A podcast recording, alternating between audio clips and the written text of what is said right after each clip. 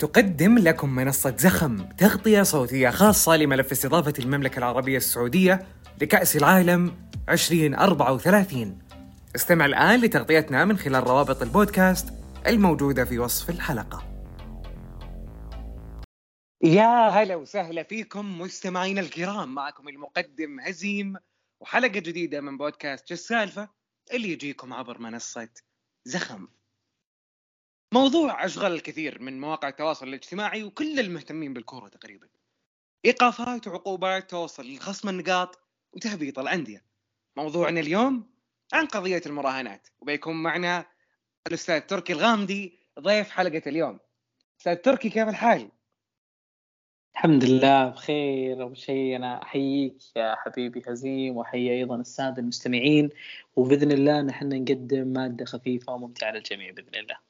بإذن الله إن شاء الله. آه، أول شيء معنا اليوم آه، على إيش كانت المراهنات هذه ومتى صارت يعني بالضبط؟ هل الموسم الماضي ولا الموسم هذا داخل فيها برضه؟ جميل في البداية خلونا نتكلم على المراهنات بشكل عام عشان ما يكون في لغط عند البعض. في البداية إن الشخص في إيطاليا لو نتكلم في الدوري الايطالي تحديدا إنك أنت كرياضي يمنع عليك إن أنت تراهن في مجال لعبتك بمعنى لاعب كرة القدم ممنوع عليه انه يراهن في كرة القدم. تستطيع المراهنة في كرة السلة في سباقات الفورمولا مراهنة بشكل عام في جميع المجالات. لكن تبتعد عن الرهان اللي يكون في نفس مجالك. الإشكالية اللي صارت في قضية المراهنات الأخيرة آه، طبعا سؤالك في البداية إن متى بدأت؟ عندنا نقطتين. النقطة الأولى متى تم اكتشافها؟ تم اكتشافها حاليا خلال الأسابيع الماضية بعد التسريبات اللي أصدرها الصحفي فابريزيو كورونا. متى صارت؟ هنا تعتمد كل لاعب وبدايته. وهذا راح نجي فيها بإذن الله بعد قليل. لما نرجع لموضوع المراهنات بحد ذاتها فالفكرة أنه أنت كلاعب كرة قدم يحظر عليك الرهان زي ما قلنا في مجالك.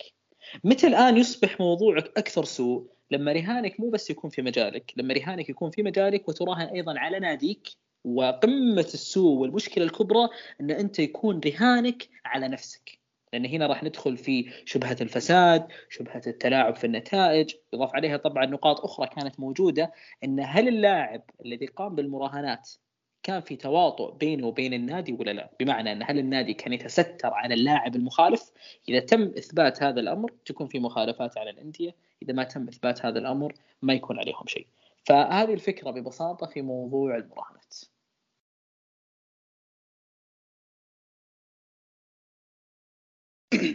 يعني كانت من الموسم الماضي تقريبا وقبل الماضي صحيح؟ بالضبط يعني. في بعض ال... إي بالضبط في بعض اللاعبين. طبعا هي أساسها كان على الموسم الماضي وتختلف الوتيرة مثلا زي تونالي التحقيقات أثبتت إنه كان يتراهن حتى من يوم كان في بريشيا. يعني راح نتكلم على أكثر من ثلاث أربع مواسم تقريبا. لكن المؤكد في الفكرة ان لا هي تبدأ من الموسم الماضي. جميل. طيب مين اللاعبين اللي متورطين بهذا الحدث؟ يعني سمعنا أسماء كثير يعني سمعنا تونالي سمعنا فان فانجولي حق يوفي سمعنا برضو باريلا فلورنزي وناس واجد. مين بالضبط اللي كانوا موجودين بالقضية هذه؟ جميل جدا. في البداية زي ما ذكرت المتهم الأول اللي كان بدأت معه التحقيقات بعد التسريبات الصحفية كان موهبة اليوفي اللي هو نيكولا فاجيولي آه، اللي صار معه طبعا كان هو الأساس في التحقيقات. حقق معه اللي هو المدعي العام في تورينو مكتب المدعي العام اسمه تشيني المدعي. حقق معه في الموضوع ومع التحقيقات طبعا اللاعب اعترف بالجريمة إذا تمت إدانته وأيضا قدم نقطة طبعا هنا راح نطلع على الإطار شوي إنه العقوبة كعقوبة للمراهنات هي قد تصل فيك إلى الإيقاف إلى ما يصل إلى أربع أو خمس سنوات من لعب كرة القدم. فمدة خطيرة جدا تقتل مسيرة أي لاعب.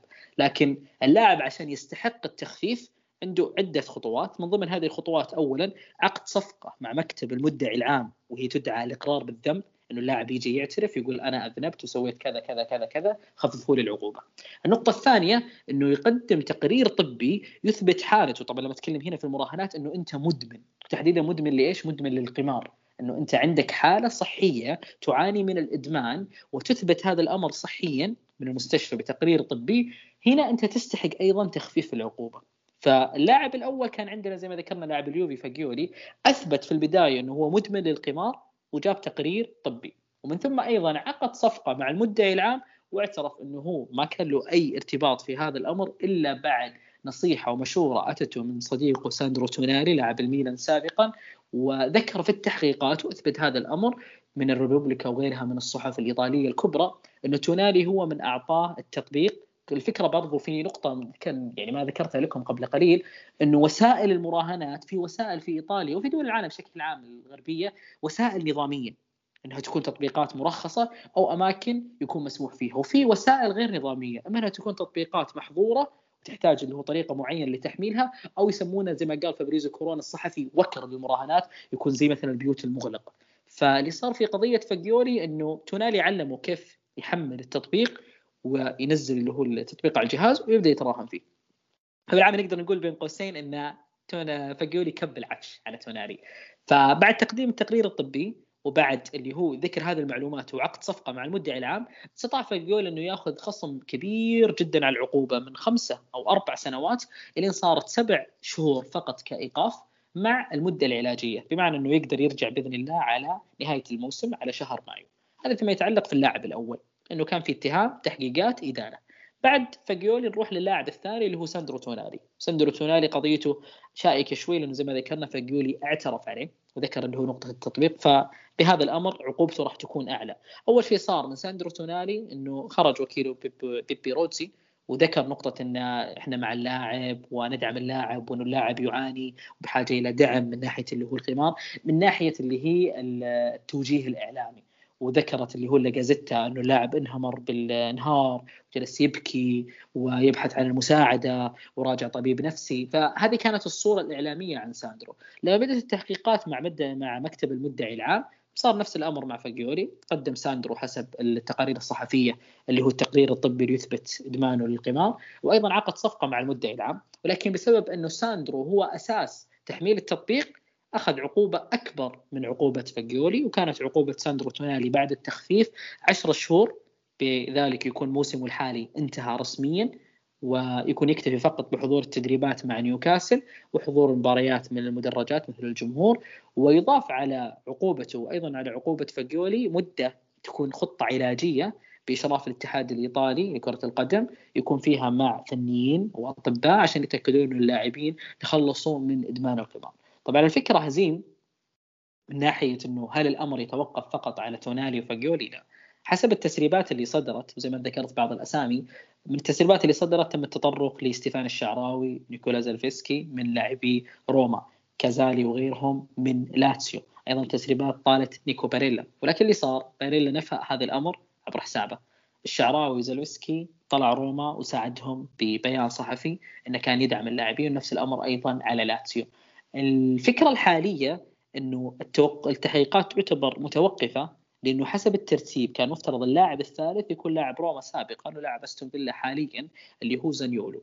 لكن اللي صار إنه مكتب المدعي العام قرر استدعاء صحفي كورونا للتحقيق بتهمة التشهير حيال اللاعبين اللي ذكرتهم لك قبل شوي وكانوا ما عليهم إثبات من قبل المدعي العام. يعني زي مثلا توناني فاكيوري كورونا يتكلم من جهة ومن الأساس أصلا مكتب المدعي العام عنده عليهم أدلة فاجتمعت الأمرين ببعض ومشت الموضوع فيها. لما جو بقية اللاعبين لا مكتب المدعي العام يقول أنا ما عندي أدلة على ذولا وبالذات لاعبي روما وكورونا يكون طالع يتكلم. فصار الموضوع انقلب السحر على الساحر وأصبح التحقيق على فابريزو كورونا نفسه. فهذا فيما يتعلق في اللاعبين. طيب بالنسبة في كلام طلع عن ماسيميليانو إليجري وانه كان يراهن بس كان يراهن في كازينو يعني ما كان يراهن في مكان في تطبيق أو شيء. فهل بتطوله برضو العقوبات والأشياء هذه ولا ولا بيكون وضعه تمام؟ جميل سؤالك. الفكرة اللي كانت في ماسميليانو أليجري كانت الصورة اللي نشرها فابريزو كورونا ووقتها كان يلعب بوكر. وهنا لما أنت تلعب البوكر هذا الشيء ما يمس إن أنت يتم آه، معاقبتك بالرهان. لأنه هنا أنت قاعد تلعب لعبة في أثناء لعبك فيها في الكازينو وغيرها ما أنت قاعد تسوي المراهنة الغير شرعية، المراهنة الغير شرعية في إيطاليا إنه أنت تكون عبر التطبيق ولازم زي ما ذكرنا في بداية الحلقة إنه أنت تراهن في مجالك، فيكون رهانك هنا على المباريات، على كرات القدم في الدوري الإيطالي، لكن إيش الفكرة في إشاعة ماسيميليانو اليجري؟ إنه كورونا ذكر إنه في تلك الصورة لما خلص أليجري من اللعبة حصل على مبلغ مالي، إذا ما خانتني الذاكرة كان يقول تقريبا حدود ال 30 ألف يورو، فلما فاز فيها يقول كورونا إنه جاء أليجري وأخذ منها مبلغ مالي وأعطى المبلغ هذا إلى صديقه. وطلب من صديقه أن يقوم بالمراهنة بهذا المبلغ في كرة القدم. وتحديدا كانت في مباريات السيريا بي اللي هو الدرجة الثانية في الدوري الإيطالي. فكان يقول كورونا إنه أليجري متورط ولكن بطريقة غير مباشرة. يعني الفكرة إنه الفلوس فلوسك يا أليجري لكن اللي يراهن فيها ويسوي لك الأشياء الممنوعة شخص ثاني لكن باسمه هو لكن لحسابك أنت. فهذه كانت فكرة كورونا لكن ما ثبت فيها شيء إلى الآن. آه، حتى برضو سؤالك جميل إنه يربطنا في موضوع الأندية. لأنه بننتقل مثلا إلى اليوفي آه، كورونا كان يتطرق إنه اليوفي كان يعلم بموضوع فاجيولي وإنه اليوفي كان يتستر على فاجيولي ولكن اللي صار إنه مكتب المدعي العام ما أوقع أي عقوبات على اليوفي وهذا أيضا إثبات صريح إنه يوفنتوس ما كان يعلم ولا كان متستر على موضوع اللاعب. لما ننتقل برضو للميلان في الميلان في هذه الفترة كانت يعني كثر فيه الحديث بشكل كبير هزيم في نقطة أن أنتم لما بعتوا تونالي هل كان النادي يعلم بموضوع المراهنات ولا ما كان يعلم بالذات زي ما أنت عارف صفقة تونالي كانت صفقة كبيرة جدا في مبلغ البيع اللي تمت في الصيف الماضي في المقابل نيوكاسل الآن راح يخسر اللاعب سنة فيدخل فيها فكرة انه هل حنا نقلل من مبلغ اللاعب؟ هل حنا نقلل من الدفعات اللي راح ندفعها للاعب؟ هل حنا نروح نقاضي الميلان؟ فخلاصة الفكرة كان في تقرير من الاثلتيك قبل فترة في وقت اللي هو التحقيقات قبل إعلان النتائج على إيقاف تونالي كانوا يتكلمون إنه قانونيا نيوكاسل يجب عليه الالتزام بدفع جميع الدفعات إلى خزينة الروسونيري ميلان ولا يستطيعون التملص من الدفعات بالأحداث الواقعة لساندرو تونالي، لكن في حق نيوكاسل إذا وجد أي إثباتات بتستر الميلان على اللاعب إنه يرفع دعوة قضائية على النادي، هذا الشيء الأول، الشيء الثاني في حق نيوكاسل إنه هو يخصم من راتب تونالي حسب الأنظمة الداخلية عندهم والبنود الموجودة في العقد إن اللاعب ما يحصل على راتبه كامل. لأن اللي قاعد يصير نقدر نقول مخالفة شخصية من اللاعب. يعني ما تقدر تقول مثلا إن هذه إصابة أو تقدر تقول مثلا إنه هذه مشكلة صارت للاعب داخليه أو شيء خارج عن إرادته لا هذا شيء بفعل يدك وهذا الشيء حرمني أنا كنادي من الانتفاع منك ولعدم انتفاعي منك أنا قادر إنه أنا أعاقبك بشكل محدد من راتبك. لكن على الميلان نفسه الميلان قام وأصدر بيان وذكر في البيان هذا إنه ما كان يعني فيما معناه بالملخص والعامي إنه إحنا ما كنا ندري عن تونالي عرفنا عن موضوع تونالي من خلال الإعلام زي ما الكل عرف. فالميلان نفى اللي هو مسؤوليته عن هذا الأمر. يبقى الموضوع مرتبط فقط بفكرة انه هل نيوكاسل راح يشرع فعلا في موضوع القضية ولا ما راح يشرع فيها؟ فهذه الفكرة. يعني نيوكاسل إلى الآن لازم يسدد دفعات تونالي اللي آه، للميلان. ما يوقفها. بالضبط قانونيا ما عندهم اللي هو الاستطاعة إنهم يوقفون الدفعات. يعني نظاميا ما في مسوق لهذا الأمر لأنه عقد صفقة الانتقال تم مسبقا والخلل صار من اللاعب مش من النادي فالنادي ما يتحمل الآن مسؤولية اللاعب في هذا الأمر. جميل جدا. آه طيب آه بالنسبة للعقوبات أنت ذكرت إن ممكن يكون في عقوبات على الأندية زي يوفي زي روما زي ميلان مثلا اذا ثبت إن لعيبته كانوا يسوون المراهنات والنادي يدري عن هذا الشيء. فوش بتكون العقوبات يعني اللي متوقعه؟ هل هي غرامات؟ خصم نقاط مثلا؟ جميل من ناحية العقوبات اولا يجب إثبات التستر يعني إحنا ما نقدر نقول إنه وش العقوبات اللي ممكن تصير بشكل عام لا إحنا لازم نقيدها بفكرة إنه إيش العقوبات اللي ممكن تجي على الأندية في حال إثبات هذا الأمر طبعا على اليوفي وعلى الميلان يكاد يكون من المستحيل إثبات هذا الأمر لأنه العقوبات صدرت عن لاعبين منفردة فزي ما ذكرنا تم إيقاف فاجولي سبع شهور وإيقاف تونالي 10 شهور. لو كانت الأندية متسترة كانت العقوبة تنزل مزدوجة على النادي وعلى اللاعب. يعني لا يمكن تصور أن تتم العقوبة على اللاعب وبعد فترة تتم العقوبة على النادي. لكن لو فرضنا جدلا أنه الأندية الباقية واللاعبين الآخرين ممكن يتم التحقيق معهم كان في إثبات للتواطؤ والتستر من الأندية فالعقوبات حسب النظام في إيطاليا تبدأ من الغرامات المالية كحد أدنى وتوصل بحد أقصى إلى التهبيط إلى الدرجة الثانية. وهذا يكرر لك اللي هو الفضائح السابقة في الكالتشوبولي في التوتونيرو وغيرها من الفضائح اللي كانت موجودة في الدوري الإيطالي وتم فيها اللي هو تهبيط عدة أندية من السيريا اي إلى السيريا بي لكن شخصيا أنا كتركي ما أعتقد لأنه الكلام اللي كان يقوله فابريزو كورونا إنه اللاعبين أصلا المتورطين في المراهنات كثير وفاجيولي في التحقيقات حسب الريبوبليكا لما سألوه إنه هل تدرك ان هذا خطأ؟ رد إنه الكل يسوي الشيء هذا في إيطاليا يعني. فالواضح إنه عدد جدا كبير من اللاعبين سواء اللاعبين المحترفين أو اللاعبين الشباب في البريمافيرا يعني نقدر نقول إنه صاير الموضوع كأنه روتين عندهم. فإذا أنت راح تعاقب الكل بالإيقاف أنت راح تضر بدوريك وراح تضر بالكرة الإيطالية وراح تضر قبل كل هذا بالمنتخب الإيطالي. فممكن هذا هو السبب اللي يخلينا نشوف نوع من البرود والهدوء الغريب فجأة في موضوع التحقيقات. لكن خلينا ننتظر ونشوف كل شيء وارد. زي ما ذكرنا إذا كان في تواطؤ راح يتم معاقبة الأندية إذا ما في تستر ولا تواطؤ راح تكون العقوبات مبنية فقط على اللاعبين. فهذه. وأنا للأمانة أتوقع إن الاتحاد الإيطالي برضه خايف يتكرر يتكرر سيناريو الكالتشيبولي اللي قبل. بالإيقافات وبالتهبيط اليوفي وخصم انقاط على كذا نادي فكانت مشكلة كبيرة عندهم اي هذه هي انها تسبب ضرر بس إنه يعني حاليا ما أعتقد. أعتقد إن إيطاليا تبحث عن آه، دعم وسند الدوري وإنه يحاولون إنهم يرتقون أكثر بالذات إن إيطاليا راح تستضيف اليورو بعد كم سنة وفي نوع من النوع اللي نقدر نسميه من التطور حتى في الدوري الداخلي. فخلينا نشوف.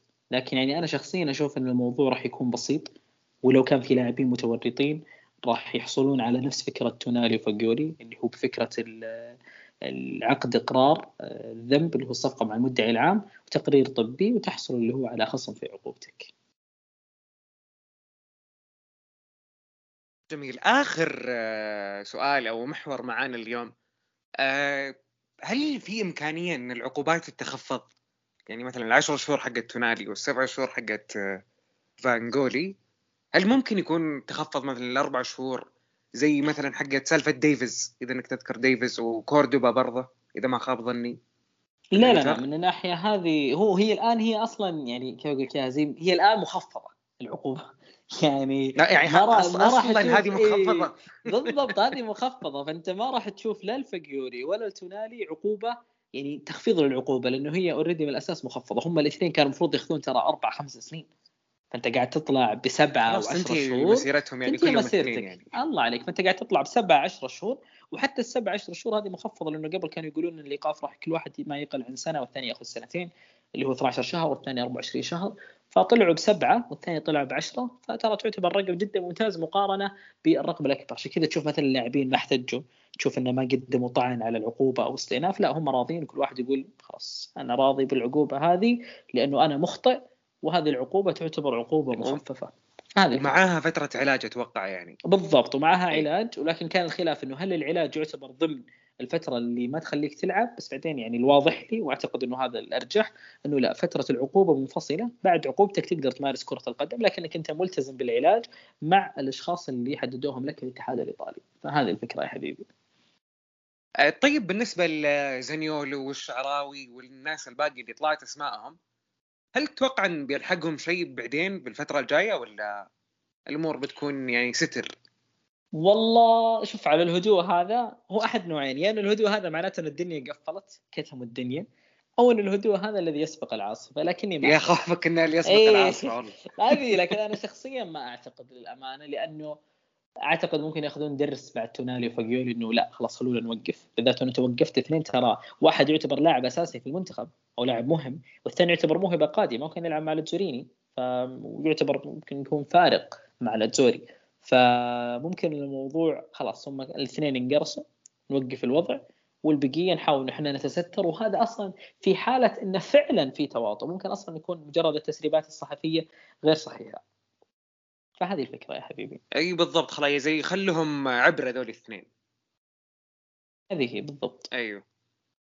طيب يعطيك العافية والله أستاذ تركي. عشان ما ثقلنا عليك بس بالأسئلة. يا حبيبي الله يعافيك. شاكر ومقدر لك هذه الفرصة وأتمنى للأمانة أنه هذه الحلقة كانت مفيدة لجميع المستمعين سواء من عشاق الدوري الإيطالي أو من الدوريات الأخرى بأنهم يفهمون فيها فكرة قضية المراهنات اللي صارت في الكالتشو من بدايتها إلى الوضع الحالي. شكرا لك حبيبي هزيم وشكرا لمنصة زخم وبإذن الله نشوفكم في حلقات أخرى. تحياتي. بإذن الله إن شاء الله. يعطيك ألف عافية. إلى هنا نصل إلى نهاية حلقتنا اليوم اللي كانت عن قضية المراهنات. نتمنى أننا أفدناكم ولا تنسون تقيمون الحلقة ترسلون لنا اقتراحاتكم على الإيميل يعطيكم العافية. كنت معكم هزيم دمتم بود